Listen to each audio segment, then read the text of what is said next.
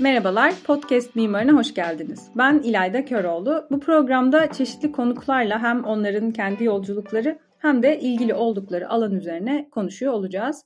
Bu bölümde Melis Oğuz ile birlikteyiz. Şehir sosyoloğu olarak ilk konuğumuz e, ben kendisini Mekan ve İnsan programı sayesinde tanıdım ve çalışmalarını da takip etmekteyim. Merhaba hocam, hoş geldiniz. Hoş bulduk, teşekkür ederim İlayda. Nasılsınız? Çok iyiyim, sağ olun. Siz de iyisiniz umarım. Ben deyim, teşekkürler. E, şimdi bu ilk kısımda biraz sizi tanıyalım. Olur. İkinci kısımda da akademik çalışmalarınızda ilgimi çeken konulara dair birkaç soru soracağım. Bildiğim kadarıyla şu anda endüstriyel tasarım bölümündeydiniz galiba değil mi? Doğru. Hatta bölüm başkanı oldum Eylül itibariyle. Öyle mi? Hayırlı olsun. evet. Teşekkür ederim. Sağ olun. Güzel bir gelişme. Ee, şimdi dinleyiciler için de böyle bir karışıklık olmasın. Hani bir şehir sosyoloğu olarak konumuzsun. Doğru. Ve bu arada sizi şehir sosyoloğu olarak tanıttım ama sosyal medya hesabınızda özellikle sizin belirttiğiniz üzere şehir yazdığı için. Hı hı. Merak ettim. Şu an meraktan soruyorum. Hani kent sosyoloğu da diyen olabiliyor. Yani sizin için bunun ikisinin bir farkı var mı size hissettirdiği bir fark? Evet var. Şöyle ki kent ve kentleşme biraz ölçeklendirilen bir şey. Gelişmişlik seviyesiyle ilişkili olarak. Ama şehir öyle değil. Yani çok küçük ölçekli ya da orta ölçekli e, şehirlere de biz konuşurken ya da gelişmişlik düzeyi yani ülkelerin gelişmişlik düzeyleri açısından baktığınız zaman e, aslında kent de TDK anlamıyla şehire çok denk düşmesine rağmen genellikle kent böyle bir gelişmişlik düzeyi ifade ediyormuş hissiyatında olduğum için şehir sosyoloğu demeyi tercih ediyorum. Evet bir, bir farklı bir şey çünkü hissettim. Söylemin Hı-hı. kendisi aslında bir Hı-hı. ifadesi var yani. evet kent daha batılı bir kelime. Evet doğru. Ee, daha batıyı çağrıştıran bir kelime. Dolayısıyla oysa ki biz kentte sadece ve kente sadece batı perspektifinden bakmak özellikle de Türkiye'de çalışan, Türkiye kentleri üzerine çalışan birisi olarak çok doğru olmadığını düşünüyorum Batı perspektifinin. Batı teorilerinde evet. çalışmadığını düşünüyorum hatta. Belki yeri gelirse onu da birazcık açarım.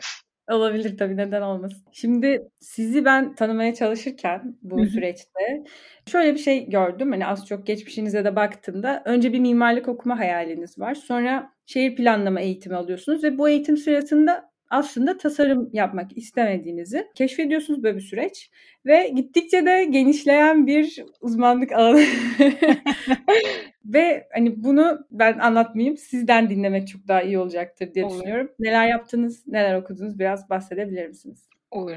Aslında hayalli kısmından başlayalım isterseniz. Ee, ben bunu tabii, tabii birkaç kez anlattığım için farklı farklı mecralarda daha önce beni bu hikayemi dinleyen varsa belki tekrar olur ama Şöyle, aslında bizler üniversitede okumak istediğimiz şeylerin ne olduğunu bilebileceğimiz bir eğitimden geçmiyoruz. Kendimizi de tanıdığımız bir eğitimden geçmiyoruz. Sürekli yarışıyoruz birbirimizle.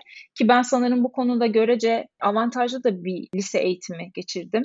E, yabancı bir kolejde okudum. Dolayısıyla bir nebze de olsa o devlet okullarındaki müfredatın biraz dışında bir eğitim aldım. Analitik düşünme konusunda daha yetilerimizin geliştirilebildiği, e, sorun sorumluluk alma, kendi kendine iş becerebilme, bir ödevi ya da bir projeyi tamamlayabilme ile ilgili. Fakat yine de ne olursa olsun içinde yaşadığımız atmosfer bizleri o yaşlarda henüz kendimizi tanımamıza ve becerilerimizi ölçebilmemize yetecek bir şey değil. Tabii toplumun da mesleklere atfettiği değerler var.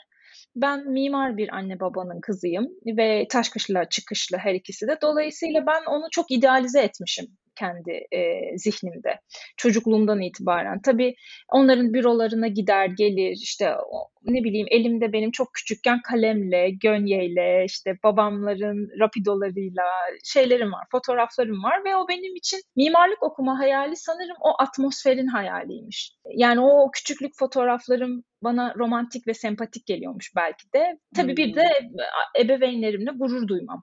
Yani onların yaptıkları işlerle gurur duymam. Benim mesleğe verdiğim değeri de farklılaştırmış. Ben de üniversite hazırlık yaparken işte belirli bir puan sistemine karşın yarışıyorsunuz. Ben de İstanbul Teknik Üniversitesi yani Taşkışla'da mimarlık okumak üzere kendimi sınavlara hazırladım diyeyim. Fakat birkaç puan altında kaldım ve şehir ve bölge planlamaya da öyle girdim. Zaten 5 tercih yapmıştım. ODTÜ mimarlık, ODTÜ şehir planlama, İTÜ mimarlık, İTÜ şehir planlama ve galiba Mimar Sinan mimarlık olsa gerek. İTÜ şehir planlama tuttu ve ben de hani o sene e, belki de birçok üniversiteye şehir ve bölge planlama bölümlerine mimarlık isteyerek giren öğrencilerin yaptığı gibi o sene kendi kendime şey dedim. Hani bu sene notlarımı iyi tutayım, gelecek seneye de mimarlığa geçerim. Ki e, hakikaten de ben lisanstayken e, birçok hocam da annemin ve babamın lisans zamanından arkadaşlarıydı.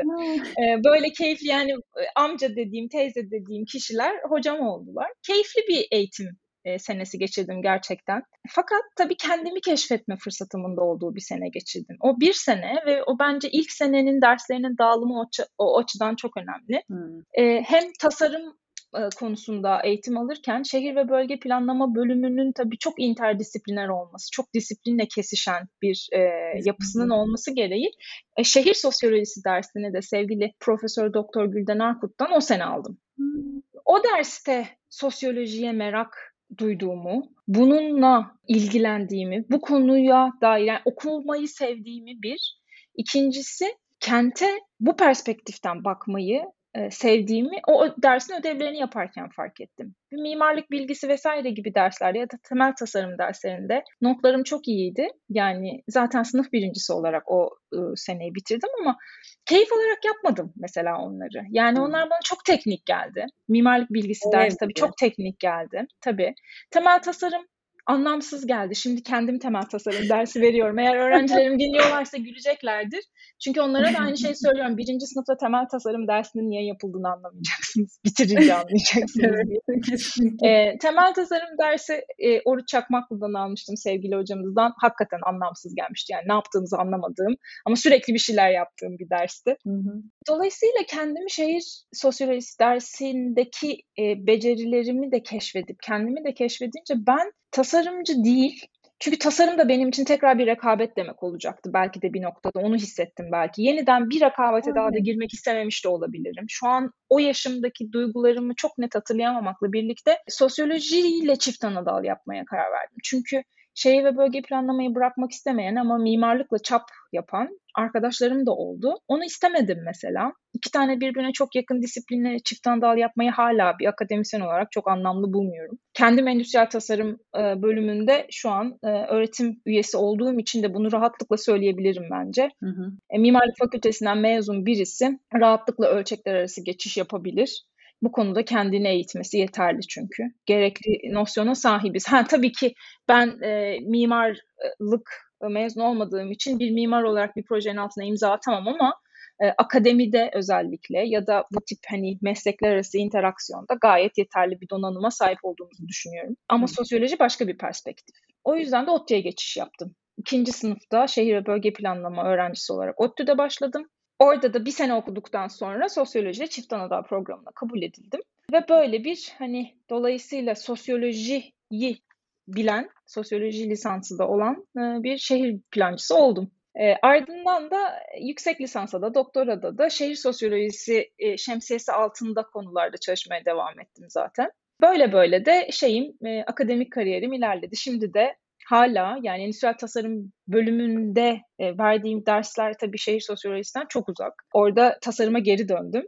E, yani ders verirken hala tasarım nosyonunu ve formasyonumu kullanıyorum ama kendi yaptığım akademik çalışmalarda hala şehir sosyolojisi çerçevesi altında araştırmalar ve şeyleri merak ettiğim için yönelimim de hala bu konuda böyle diyebilirim.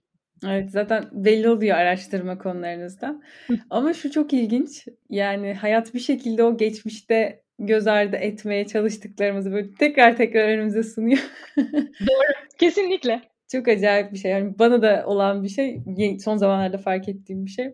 Şimdi görünce ilginç geldi gerçekten. Bir de bunun üzerine planlama, sosyoloji, bir de ekonomi galiba okumuşsunuz. Ekonomi okumadım ama e, London School of Economics'i ekonomide dünya birincisi bir üniversite diye seçtim ve evet. e, orada sosyal politika departmanında yaptım yüksek lisansımı ama çok ekonomi dersi aldım. Yani kent ekonomisi, evet. e, konut ekonomisi üzerine. Sebebi de şu, çünkü ben şey planlama okurken sosyolojiyle yaptığım bu geliştirmeye çalıştığım ikili perspektif bana şunu gösterdi. Bir kenti özellikle de Türkiye kentlerini anlamak için üç şeyi iyi bilmek lazım. Toplumu, mekanın nasıl geliştiğini yani coğrafyayı, üç ekonomiyi. Çünkü Türkiye'de kentler yani ve imar planı sistemi biliyorsunuz ki koruma odaklı değil. Yani biz Almanya kentleri gibi bir tane plan yapılır 100 sene sonra o planın çok e, küçük bir tadilatını görmüyoruz. Biz sürekli tadilat gören planlar görüyoruz. Sebebi de para. Dolayısıyla onu anlamak lazım. Yani gayrimenkul sektörünün nasıl çalıştığını, nasıl ilerleyeceğini iyi çözümleyebilmek lazım diye düşündüm. O yüzden mesela hani LSE'yi seçtim ve oradaki tercih ettiğim, seçtiğim derslerin çoğu ekonomi üzerineydi ama ben ekonomi okumadım. Öyle söylemek hmm. doğru olmaz. Anladım. Yani bu perspektife sosyoloji perspektifine ek gelmiş aslında. Doğru, Ki, doğru. Bu farkındalığı da sosyoloji belki sağlamıştır. Hani. Sanırım öyle oldu, sanırım öyle oldu, evet. Şimdi onları ayrıştırarak neyin neden ötürü yapmıştım söylemek için üstünden çok seneler geçti. ee, o kadar net hatırlayamıyorum. Artık onlar bende evet böyle bir karar vermiştim ve yolu burada böyle çizmiştim şeklinde kalan detaylar evet. Kesinlikle ayrı ayrı düşünülemez.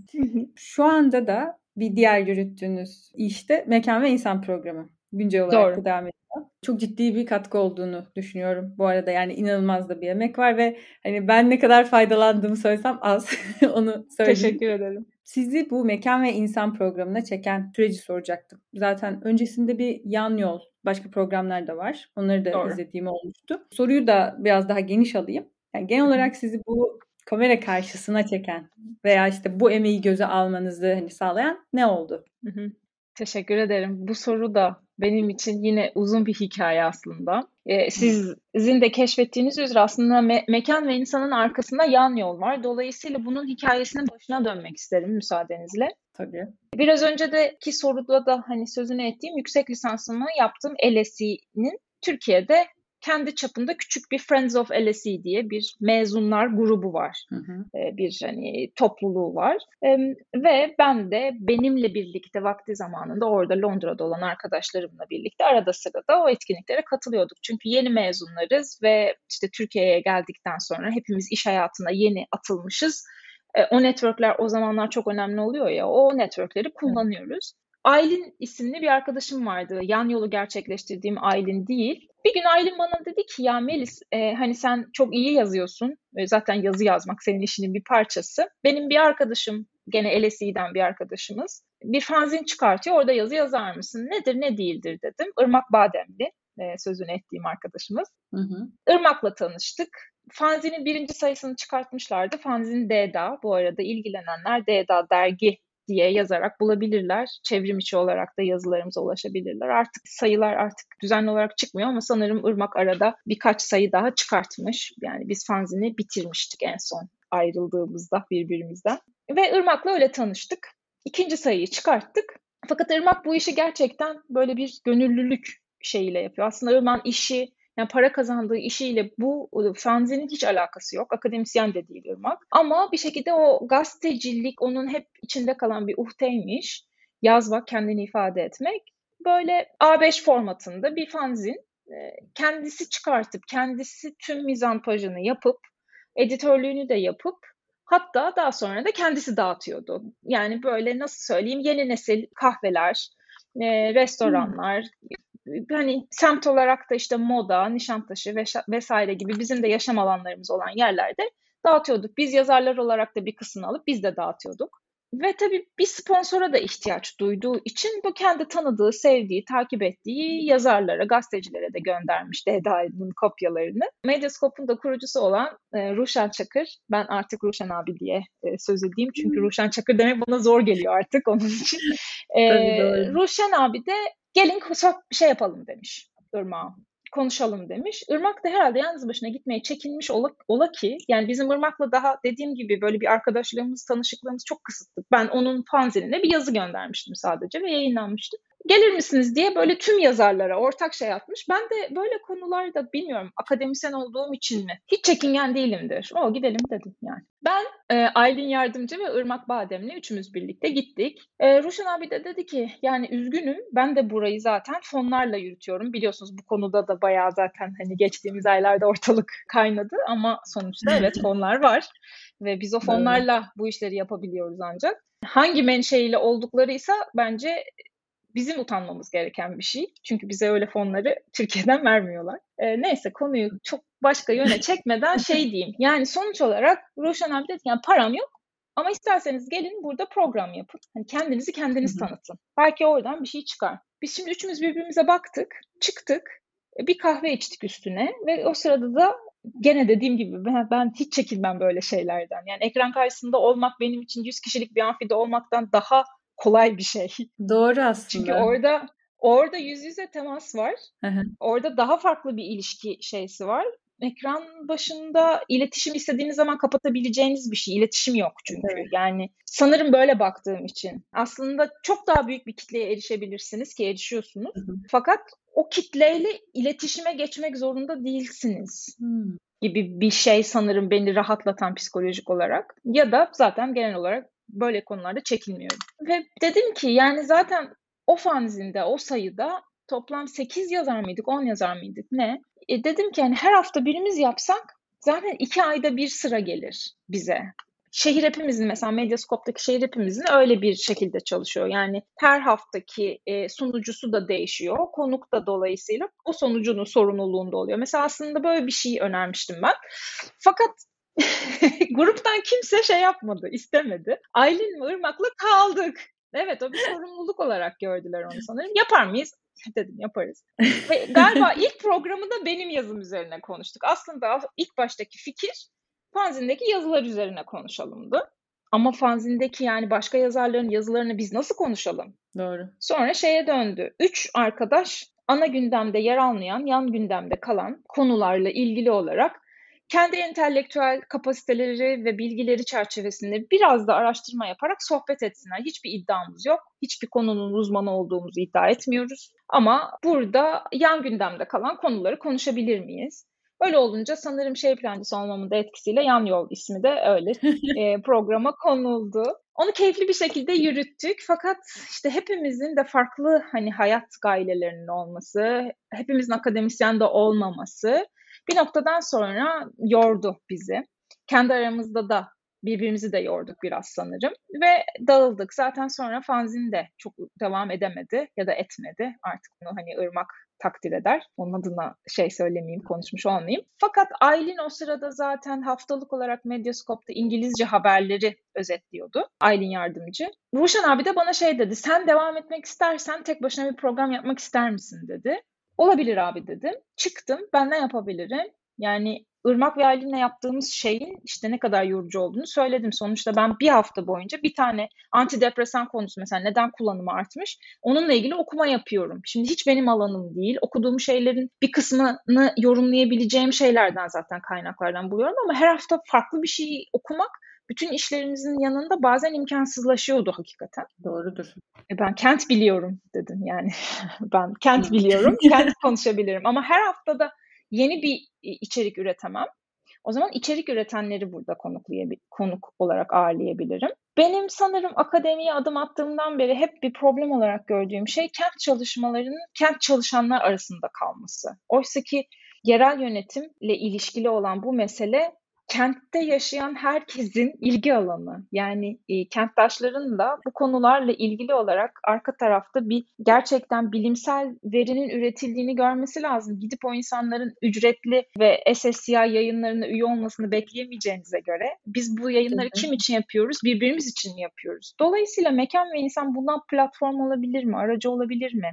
İdi birinci itkim. İkinci itkimse endüstriyel tasarım bölümünde hoca olmamdı. Yani kendimi şey ve bölge planlamadan uzaklaşmış da hissettiğim için her hafta hmm. kent planlama ile ilgili yapılan bir çalışmayı ve genelde de iki senelikten uzun e, geçmiş olmayan çalışmaları ağırlamaya çalışıyorum. Alandaki güncel çalışmaları e, ve bu konudaki işte meslektaşlarımla bir araya gelmemi sağlayan bir platform oldu. Dolayısıyla benim için kazan kazan idi bu. Ve iyi yorumlar da almaya başlayınca motivasyon da oldu ve artık bir sorumluluk haline geldi benim için. Yani orada bir arşiv oluşmaya başladı. Bu hafta 179. bölümü çekeceğiz. Yani üçüncü senesine girdi. Tabii bayağı gerçekten. Umarım daha böyle ilgili kitleye çok çok daha güzel bir şekilde ulaşır. Umarım. Diyeyim, böyle güzel dileklerimi de eklemiş olayım. Umarım. Diğer bir sorum da şimdi bir planlama, sosyoloji, ekonomi dedik. Burada böyle farklı alanlardan da kendinizi beslemeniz bütün bu süreç içerisinde. Bu aslında bir şekilde bütün yolculuk içerisinde söylüyorum. Hani Medyascope da buna dahil tabii ki. O da bambaşka bir alan aslında. Hani Kesinlikle. ne kadar ilgi alanında olsa. E, bir bakıma burada tabii bir böyle meraklı bir heyecan da var. Yani disiplinden ziyade hani tabii ki disiplinle oluyor bu. Ama hani dışa dönük bir ona da bakayım, buna da bakayım böyle. Yani evet. Ben bunu istiyorum deyip direkt gitmekten ziyade hani deneye yanında bu bilinmezlikle de böyle başa çıkma gibi. Şimdi dolayısıyla dinleyicilerimizin de böyle epey ilgisini çekeceğini düşündüğüm de bir soru. Analitik zekam olduğunu ve tasarım yapmaktan hiç keyif almadığımızı da az önce de söylediniz. E, bunu söylüyorsunuz. Ve burada bir keşif süreci var. Kendinizi çeşitli yönlerde beslemenizde buna dahil kendinize dair bir çıkarım yapıyorsunuz bir şekilde. Ben bunu seviyorum, bunu sevmiyorum. Yani bunu nasıl fark ettiğinizi aslında soracağım ve bir bakıma analitik zeka ve tasarımın sizin için farkı ne? Aslında bunu da açarsak belki daha iyi olabilir. E, ne oldu da yani ben bunu seviyorum dediniz gibi böyle bir böyle bir soru olsun bu da. E, ya aslında bunu biraz önce hani o şehir sosyolojisi dersinde keşfettiğim, o ödevleri yaparken keşfettiğim şey olduğunu söylemiştim ama evet. belki ben soruyu birazcık değiştirerek, yorumlayarak cevap ver, verebilirim. Hani Çok bir, biraz önce söylediklerimin aynısını söylememek adına. Hı hı. Şimdi aslında bir tasarımcının da analitik zekaya ihtiyacı var e, tasarımın neresine durmak istediğine göre. Hı hı. Bu son kısım önemli. Tasarımı sadece e, eline kağıdı alıp önce bir eskiz çıkartmak, sonra onu modellemek yani iki ya da üç boyutlu olarak modellemek, sonra da onu uygulamak olarak düşünmek çok sığ bir bakış açısı. Tasarım problemi görmekten başlıyor. Öğrencilerime de çok söylediğim bir şey aslında biz birer Cem Yılmaz olmalıyız. Yani zaten var olanı görüp e, herkesin baktığından farklı bir şekilde ona o hamuru işleyebilmek. Yani Cem Yılmaz'ın bize bizi güldürmesinin sebebi zaten bildiğimiz şeyleri bize anlatıyor olması ama bizim bilip verili olarak kabul ettiğimiz dünyayı bizi mizahı katarak geri anlatıyor. Hatta bazen bize aynı tutuyor. Yani Doğru. bu bir tasarımcının en önemli bence sahip olması gereken yetenek. Öğrenciler de bana gelip işte ben iyi çizim yapamıyorum, işte benim resim yeteneğim iyi değil dedikleri zaman ihtiyacınız olan birinci yetenek o değil. İhtiyacınız olan birinci yetenek iyi gözlem yapabilmek diyorum. Hakikaten öyle. Yoksa aslında birbirinin taklidi olan şeyler yapmaya devam ediyor tasarımcı. Çok iyi çizim yapabilirsiniz, zahadit olursunuz. Ben mesela zahaditi beğenmiyorum şahsen. Çünkü hakikaten resim yapıyormuş gibi çiziyor. Dolayısıyla Zaha Hadid'in bir işini başka bir yer yani İstanbul Kartal için yaptığı şeyle işte Dubai için tasarladığı şeyin çizgilerinin birbiriyle aynı olması benim aklıma almıyor mesela. Çünkü iyi bir gözlem yapmıyor. Sadece çok iyi çizebiliyor belki ya da o, o çizdiği şeyi çok iyi pazarlayabiliyor belki. Hı hı. Tam da bu noktada analitik zekanın tasarımın neresine durmak istediğinize göre çok gerekli olduğunu da düşünüyorum. Şimdi ben çok uzun zamandır artık çizmiyorum bile. E, temel Hı-hı. tasarım derslerinde öğrencilerin işlerinin üzerine eskiz atıp çizmenin dışında. Ama ben problemi okumayı seviyorum zaten. Ben onu keşfet. Ben birçok arkadaşımın bakıp sınıftaki de birçok arkadaşımın bakıp ha bu zaten böyledir dediği şeyi merak ediyorum. Biz minibüs şoförü oturun dediği zaman po- ileride polis var dediği zaman niye oturuyoruzu kafama takıp onu araştırıp oradan kayıt dışılık ve gece kondu kültürünün kentteki etkisini yakalayabilmeyi seviyorum. Benim zihnim böyle çalışıyor.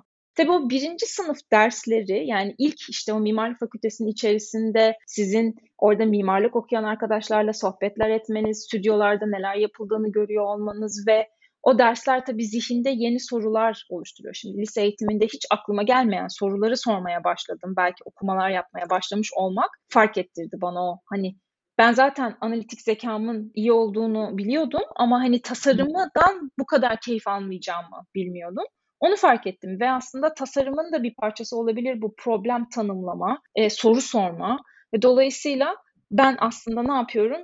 E, işin soru sorma kısmını ve daha önce fark edilmeyen kısmını belki ya da o bakış açısıyla bakılmamış kısmını birazcık kurcalıyorum ve ortaya çıkarttığım o analiz bir tasarımcı için bir üzerine çalışma yapılabilecek zemini oluşturuyor. Ben de tasarımın bu tarafında durmayı seviyorum. Hani buna tasarım değil bu diyebilirler ama bence öyle değil. Tasarım bir süreç ve bir orkestra şeklinde işleyen bir e, süreç. E, ben de o orkestranın bir parçasıyım çünkü benim analizlerim olmadan işte ancak birbirine çok benzeyen ve sürekli tekrar eden, çok da farklılaşamayan ancak yeni resimler e, belki hani olabilir ama onlar da çok da işlevsel olmuyor zaten ve gerçekleştirilmiyorlar en nihayetinde.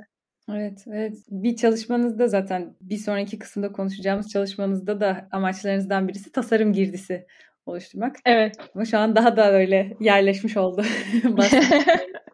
Şimdi son bir e, bu bölümde konuşacağımız son bir sorum olacak. Mimarlık ve şehir planlama arasındaki bu bölümler olabilir, meslek de olabilir. Arasındaki işte farkları ve ilişkiyi nasıl görüyorsunuz ve sosyolojinin bu çerçevedeki yeri sizin için nedir? Önce sosyoloji sorusuna yanıt vereyim. Evet. Şöyle, ben bu noktada şöyle düşünmüştüm. Yani bir şehri anlayabilmek için insanı, toplumu anlayabilmek lazım. Çünkü şehri biçimlendiren en önemli etmen insanlar. E, o yüzden biz Alman ya da e, Felemenk şehirlerinden farklı şehirlerimiz var. Yani zevklerimiz ve renklerimiz farklı, değerlerimiz farklı. E, binalara atfettiğimiz değerler farklı. O yüzden biz apartman seviyoruz. Yani en kırsal bölgeye gittiğinizde dahi e, apartman hala e, zenginlik parametresi olarak kabul edildiği için apartmanımız var bizim. Hı. Ama farklı bir kültürde farklı bir değer atfediliyor. Dolayısıyla o kentin biçimlenmesi de farklı oluyor. Ya da korumaya daha meyilli oluyorlar. Adamın elinde hala tako, takoz Nokia var. Çünkü yetiyor ona o. o. Ama bizde öyle değil. E, e, ben de dahilim buna tabii ki. En yeni ne varsa onu alıyoruz biz. Bizim değerlerimiz farklı olduğu için kentlerimizin de daha hızlı değişiyor ve dönüşüyor olması mesela şaşırtıcı değil. Yani biz mimarlar ve plancılar olarak bir yandan buna itiraz ederken aslında bu değişimin ve dönüşümün bir parçasıyız biz de dediğiniz gibi ikinci bölümde soracağınız sorularla belki bir kısmını açma fırsatım da olabilir ama hı hı. bizim e, bunu anlayabilmemiz için sosyoloji bana çok önemli araçlar sundu. Çünkü şehir ve bölge planlama eğitiminde bize mekansal e, analiz araçları öğretiliyor ve yöntemler öğretiliyor ama sosyoloji sosyal bilimsel hem niteliksel hem de niceliksel ve istatistiki yeni yöntemlerle bu okumayı farklı bir perspektiften nasıl yapabileceğimi öğretiyor. Çok basit bir şey yapayım. Bunu e, şu an izle, dinleyenlerimiz arasında sosyal bilimlerden, bilimler e, alanında çalışanlar ve tasarım dünyasından dinleyenlerimiz hemen anlayacaklardır. Kamusal mekan sosyal bilimlerde farklı bir şeye tekabül ederken tasarımda farklı bir şeye tekabül eder. Ve ben her ikisinin de bakışını e, içeriden biliyorum. Dolayısıyla hem toplumun ve insanın kamusal mekanına ne de, ne atfettiği, nasıl bir değer atfettiğini hem de tasarımcının ne atfettiğini bildiğim için bence özellikle de işte sorun ve problem tespiti konusunda iyi bir köprü kurabiliyorum. O yüzden de ben hala sahada soru sormaya, o soruların yanıtlarını aramaya çalışıyorum. Ya. Çünkü o köprü bana ilginç bir bakış açısı kazandırdığı için sanırım ben fena bir Cem Yılmaz olmadım. Harika bir cevap oldu. Çok çok güzel. Teşekkür ederim. Sorunuzun diğer hemen kısa o şeyine de cevap vereyim. Mimarlık ve şehir planlama arasındaki fark Tabii. demiştiniz. Bir kere e, yani genel olarak Türkiye için konuşabilirim bunu. Çünkü ben lisans eğitimimi burada yaptığım için Türkiye'deki lisans eğitimlerini kıyaslayabilirim. İkisinin eğitim kurgusu birbirinden çok farklı. Şimdi Beykent Üniversitesi'nde de birebir gözlemleme fırsatım oluyor. Mimarlık disiplinlerinde ne yazık ki hala bina ve ölçeğinde, parsel ölçeğinde çok kalınıyor. Ee, çok az üniversitede biraz daha kentsel ölçeğe doğru kayan ya da onu da sistemin ya da mimarlık öğrencisinin algılamasına yönelik programlar var. Bazı işte üniversitelerde İstanbul Teknik ya da İzmir Yüksek Teknoloji gibi bir iki sene ortak programlarla bunu yapmaya çalışıyorlar ama bence genel olarak eğitimin kurgusu yani mimarlık öğrencisinin aldığı derslerin içeriği hakikaten o konuda öğrenciyi parselimin içi ne sınırlıyor. Şey planlama ise tam tersine. Ya o da çok zıt bir noktada. O da çok dağıtıyor kendisini. Şehir ve bölge planlama. Biz şehir plancısı olarak çıkıyoruz ama şehir ve bölge planlama okuyoruz ve bölge planlama kısmı zaten 1 bölü 250 binlerden başlatıyor bizi. Evet. O ölçeklerde ekonomi, işte iktisat, istihdam, eğitim vesaire düşünmeye başladığınız bir şeyden 1 bölü 500'lere indiriyorlar sizi sonra bir anda. E, onun da dolayısıyla ekonomi mi bileyim arkadaş, demografi mi bileyim, istatistik mi bileyim, hangisini iyi bileyim dediğiniz bir eğitim 4 sene yetmiyor bence. Hepsinden böyle ufacık ufacık öğreniyorsunuz. Ben o yüzden mesela sosyoloji çift ana dal yapmak o konuda da en azından bir uzmanlığım var diyebildiğim bir şeye dönüştü. Doğru. İkisinin eğitiminde de bence eğitim kurgusunda böyle bir hani birbirinden birbirine çok tezat bir şey var. Tabii bu mimarlık okuyan kişiye de şey planlama okuyan kişiye de perspektiflerini çok farklılaştırıyor. Bu noktada kendi programımın da reklamını yapmak isterim. Mekan ve İnsan'ın 137. bölümünde Bahar Bayhan'la bir mimarlar tasarımla dünyayı kurtaracaklar nasıl inanır bir soru sormuştuk. Egolar, egoları, mimarların egolarıyla şey plancıların egoları da birbirinden çok farklı oluyor dolayısıyla. diyeyim bırakayım burada. Aa, çok, çok güzel oldu bu bu açıklama. Harika oldu bence. İlgililere de zaten hani duyurumuzu yapmış olduk. Şimdilik Melis Oğuz'u uğurlamıyoruz. Araştırmalarına ve araştırma süreçlerine dair konuşmaya devam edeceğiz. Sonraki bölümde görüşmek üzere. Takipte ve hoşça kalın.